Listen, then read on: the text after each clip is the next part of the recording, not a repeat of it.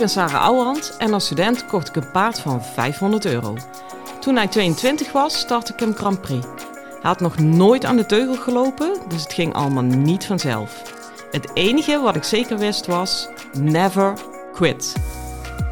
Ik verslond alles wat ik kon vinden over de biomechanica van ruiter en paard. Dat testte ik net zo lang totdat ik wist wat echt werkte. In deze podcast leer ik jou alles over je rijtechniek, je houding en zit en je mindset. Want ook jij kan naar de Grand Prix gaan, zelfs als je geen miljoenenpaard hebt.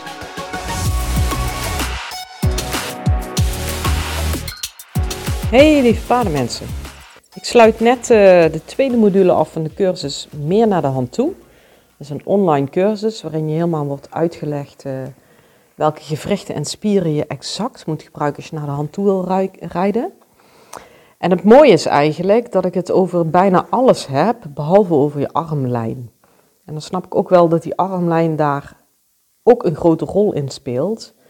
Maar eigenlijk komt die pas helemaal achteraan aan het verhaal dat hij een rol speelt.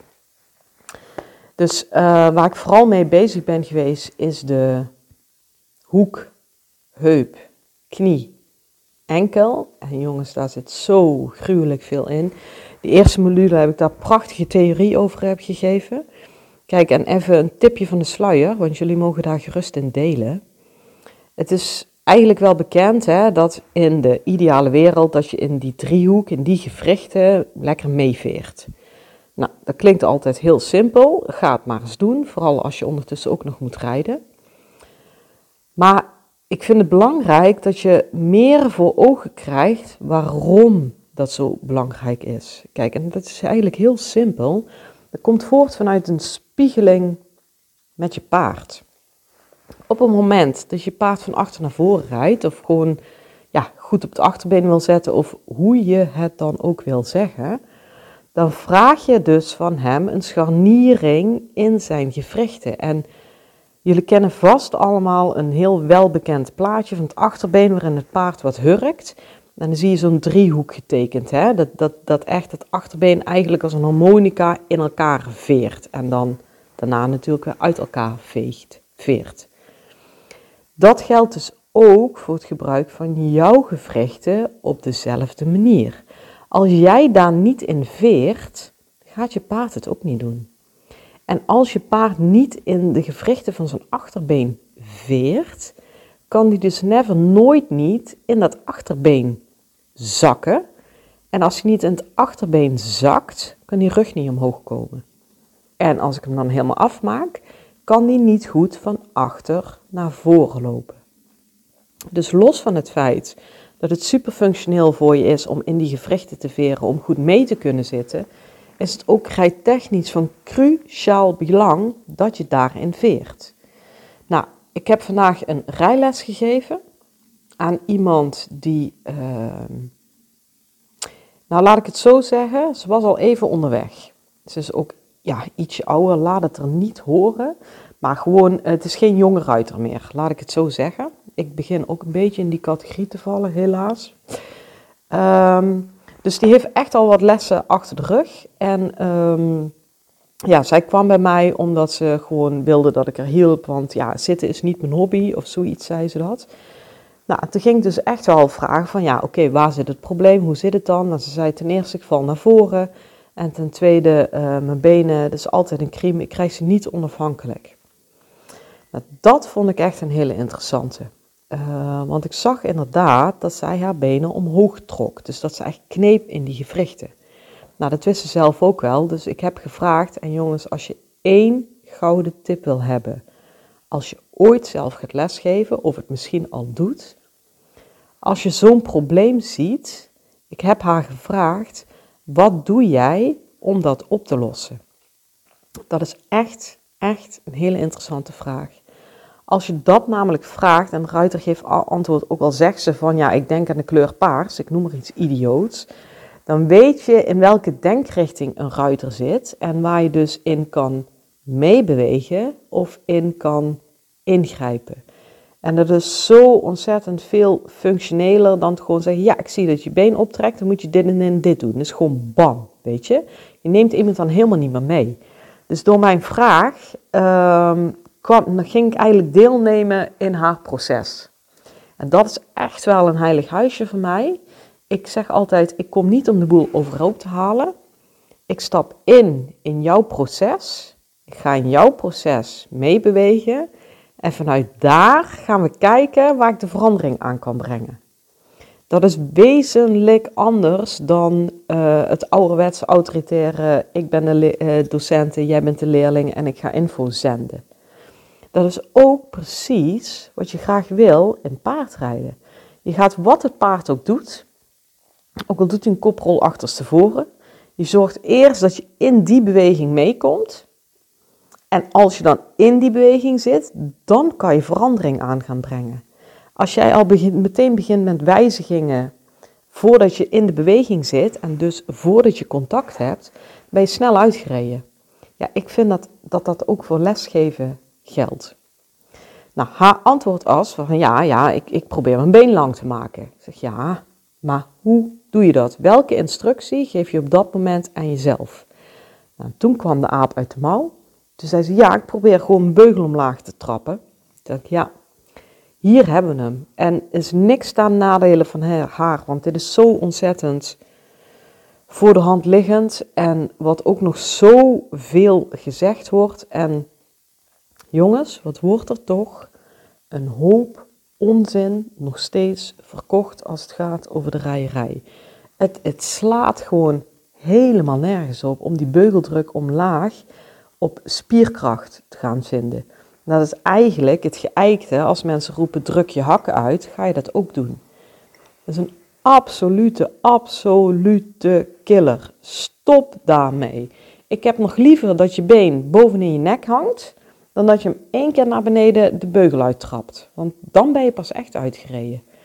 En vanuit die gedachte waarmee ik begon, is het ook heel erg logisch. Kijk, als jij op spierkracht je been naar beneden gaat duwen en dus die beugel omlaag gaat trappen, wat dan in meteen instantly gebeurt, is dat je enkel blokkeert. Nou, dan zou je nog zomaar kunnen denken, ja, het is een enkel. Maar dat is het dus niet. Want die enkel, die heeft een spiegelende functie. Wat er in je enkel gebeurt, gebeurt er namelijk exact meteen in je knie. En wat er in je knie gebeurt, gebeurt exact meteen in je heup. Daarom zijn die gewrichten ook, hebben die een driehoeksfunctie.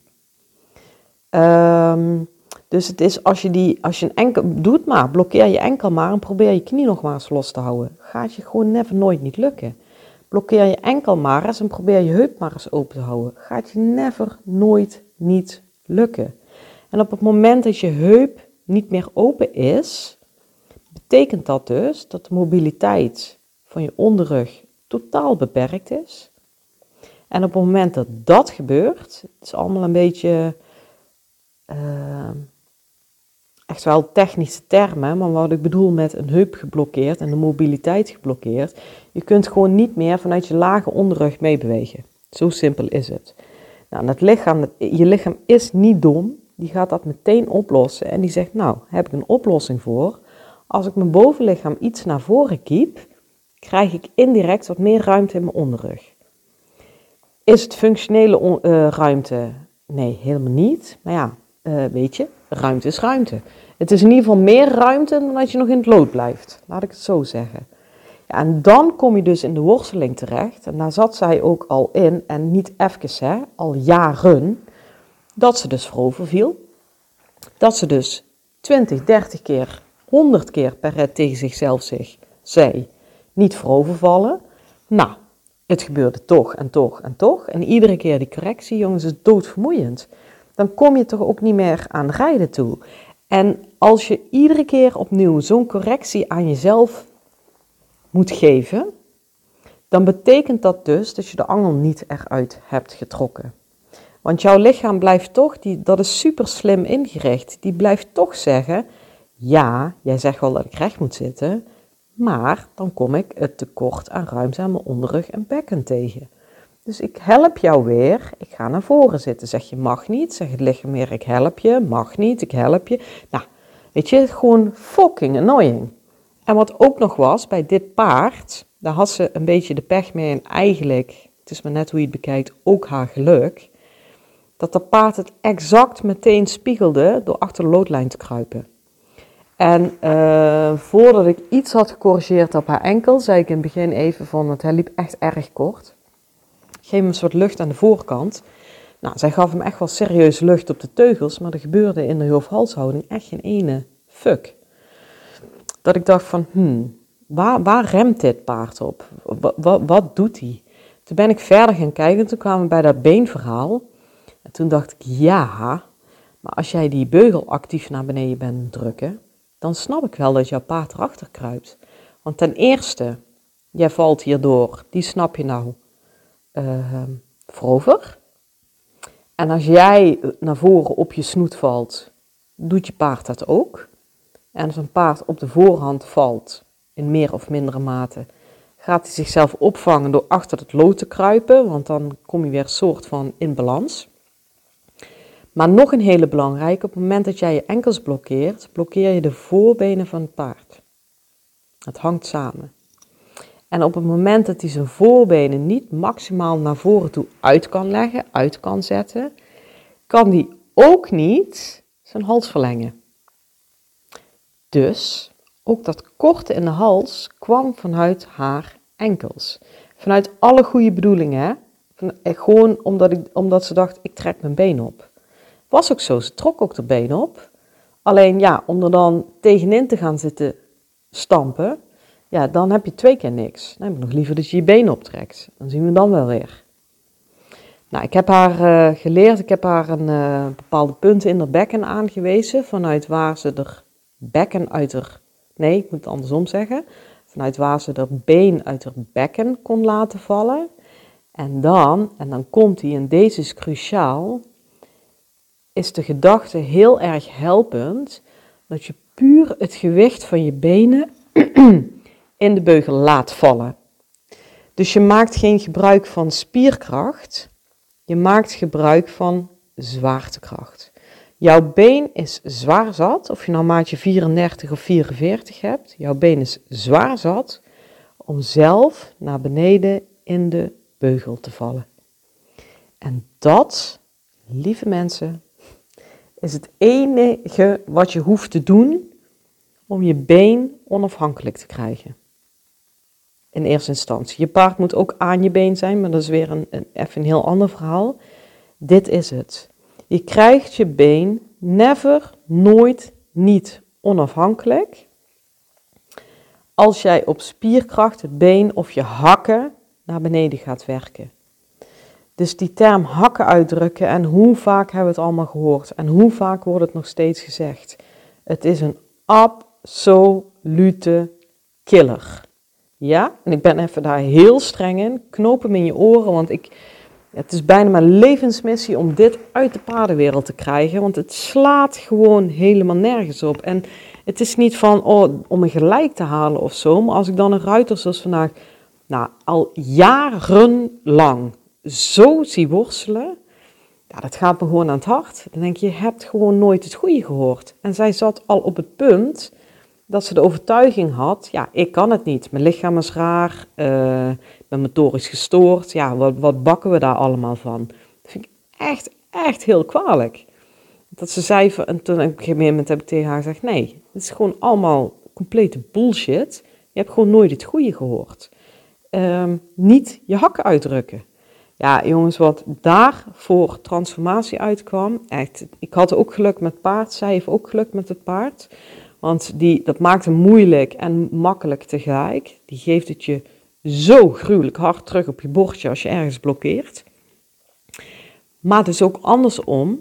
Als, ik, als zij ergens deblokkeert, krijg je het net zo hard terug op je bordje. Alleen dan op een manier waarop je het graag wil. Dus ah, alles, alles, alles veranderde. De hele uitleiding van het been. De hele beenlegging. Uh, het, mee, het vermogen mee te kunnen veren in onderrug en bekken. De positie van haar bovenlichaam. En last but not least, het totale frame van het paard veranderde. Jongens, ik heb het over een fucking enkel. Zo groot is die invloed dus. Ja, zij heeft ook echt te genieten. Wat ik ook wel heel tof vind, en ik weet dat je luistert, dus ik, uh, ik zeg het nu tegen je. Ja, hoeveel gevoel heb je dan? Want ja, ik heb hem geneeld. Maar ja, jij pakte hem ook in één keer naadloos op, waardoor die transformatie kon ontstaan. Dus als je nog één keer denkt, ja, ik kan het niet, of ik heb het gevoel niet, of ik kan niet zitten, ik cut the crap. Uh, dan had ik nooit zo'n grote verandering uh, teweeg kunnen brengen. Um, ja, had ik al gezegd dat je hakken niet uit moet drukken. Ik heb hier al over geblogd. Ik heb hier al over uh, filmpjes gemaakt. Ik heb hier een cursus over gemaakt. Het, het, het, stop ermee, echt. sorry dat ik even doordram, maar ik, ik gun jullie gewoon allemaal het, het, het effect daarvan. En de rust die het geeft in je beenligging en de rust die het geeft in je lichaam. Oké? En ook hoeveel meer je paard op het achterbeen kan komen hier. Ook zo'n voorbeeld. Dit paard kon bijvoorbeeld uh, niet halt houden. Nou, hij kon wel halt houden, maar dan stond hij echt zeg maar uh, met vier benen uit het verband. En dan ook nog de hele tijd van het ene been op het andere been te verplaatsen. En hij kon gewoon niet stilstaan. Het was gewoon een kwestie van balans. Ik wist dat niet. Want ik had, ja, ik stond ook vijf minuten in de baan, weet ik veel. En uh, ik deed deze wijziging, dus dat dat been uit haar bekken ging vallen, dat er gewoon rust kwam in haar gewricht en daardoor in het frame van het paard. En ik ging even wat uitleggen en uh, zij zette hem dus stil. Want dat vind ik altijd heel belangrijk, dat ruiters als ik veel tekst en uitleg geef, even stilstaan. Want dan kan je luisteren, kun je het opnemen en dan ga je daarna in rust doorrijden. Dus ik had haar even stilgezet. En we hebben best even goed staan te overleggen en een stukje theorie en nog iets en dit en dat en zus en zo. Nou, misschien drie, vier minuten gebeur, geduurd, misschien nog wel iets langer. Hij heeft vier minuten lang geen vin verroerd. Hij stond gewoon naadloos vierkant op vier benen, gewoon in rust, in balans op zijn eigen lichaam. En zij zei, ja, dat heb ik echt nog nooit meegemaakt, dat hij dit doet. Ja, weet je, dat was dus gewoon waarschijnlijk omdat zij van stap naar hals die overgang inzetten door eerst nog meer de enkel te blokkeren. Want remmen is de beugel omlaag stampen. Ja, dat is dus het moment dat die voorbenen nog meer werden geblokkeerd. Dat hij dus nog minder het gewicht op achterover kon nemen. Ja, en dan kom je dus never nooit niet in balans. En als je dan zo'n groot paard hebt, zoals zij had, en een tikje, ja, neurotisch klinkt negatief, hè, maar een tikje, een friemelpaard, ja, dan ben je gewoon aan de beurt. Kun je het halt gewoon vergeten. Dus als je problemen hebt met halt houden, uh, check eens even of je enkels los zijn in de overgang naar naartoe en als je stilstaat. Als je vanaf hier nog één iemand hoort zeggen, druk je hakken uit. Um, ja, wat zullen we met diegene doen? nee, weet je, het is ook maar onwetendheid. Hè? En ik ben een beetje een beetje opstandig daarover, omdat ik gewoon weer heb gezien hoe groot die gevolgen kunnen zijn. Maar ja, weet je, spread the world, alsjeblieft. Oké? Jongens, ik uh, ga hier een kopje thee drinken. Ik heb een hele lange dag gehad. Ik trap lekker af. Ik wens jullie een hele fijne dag en veel plezier met je paard. Hoi!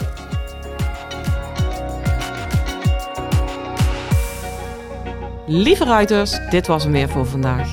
Waardeer je mijn tips? Geef me sterren op Spotify en iTunes. Dat voelt voor mij als een dankjewel. En geef je paard een knuffel van me.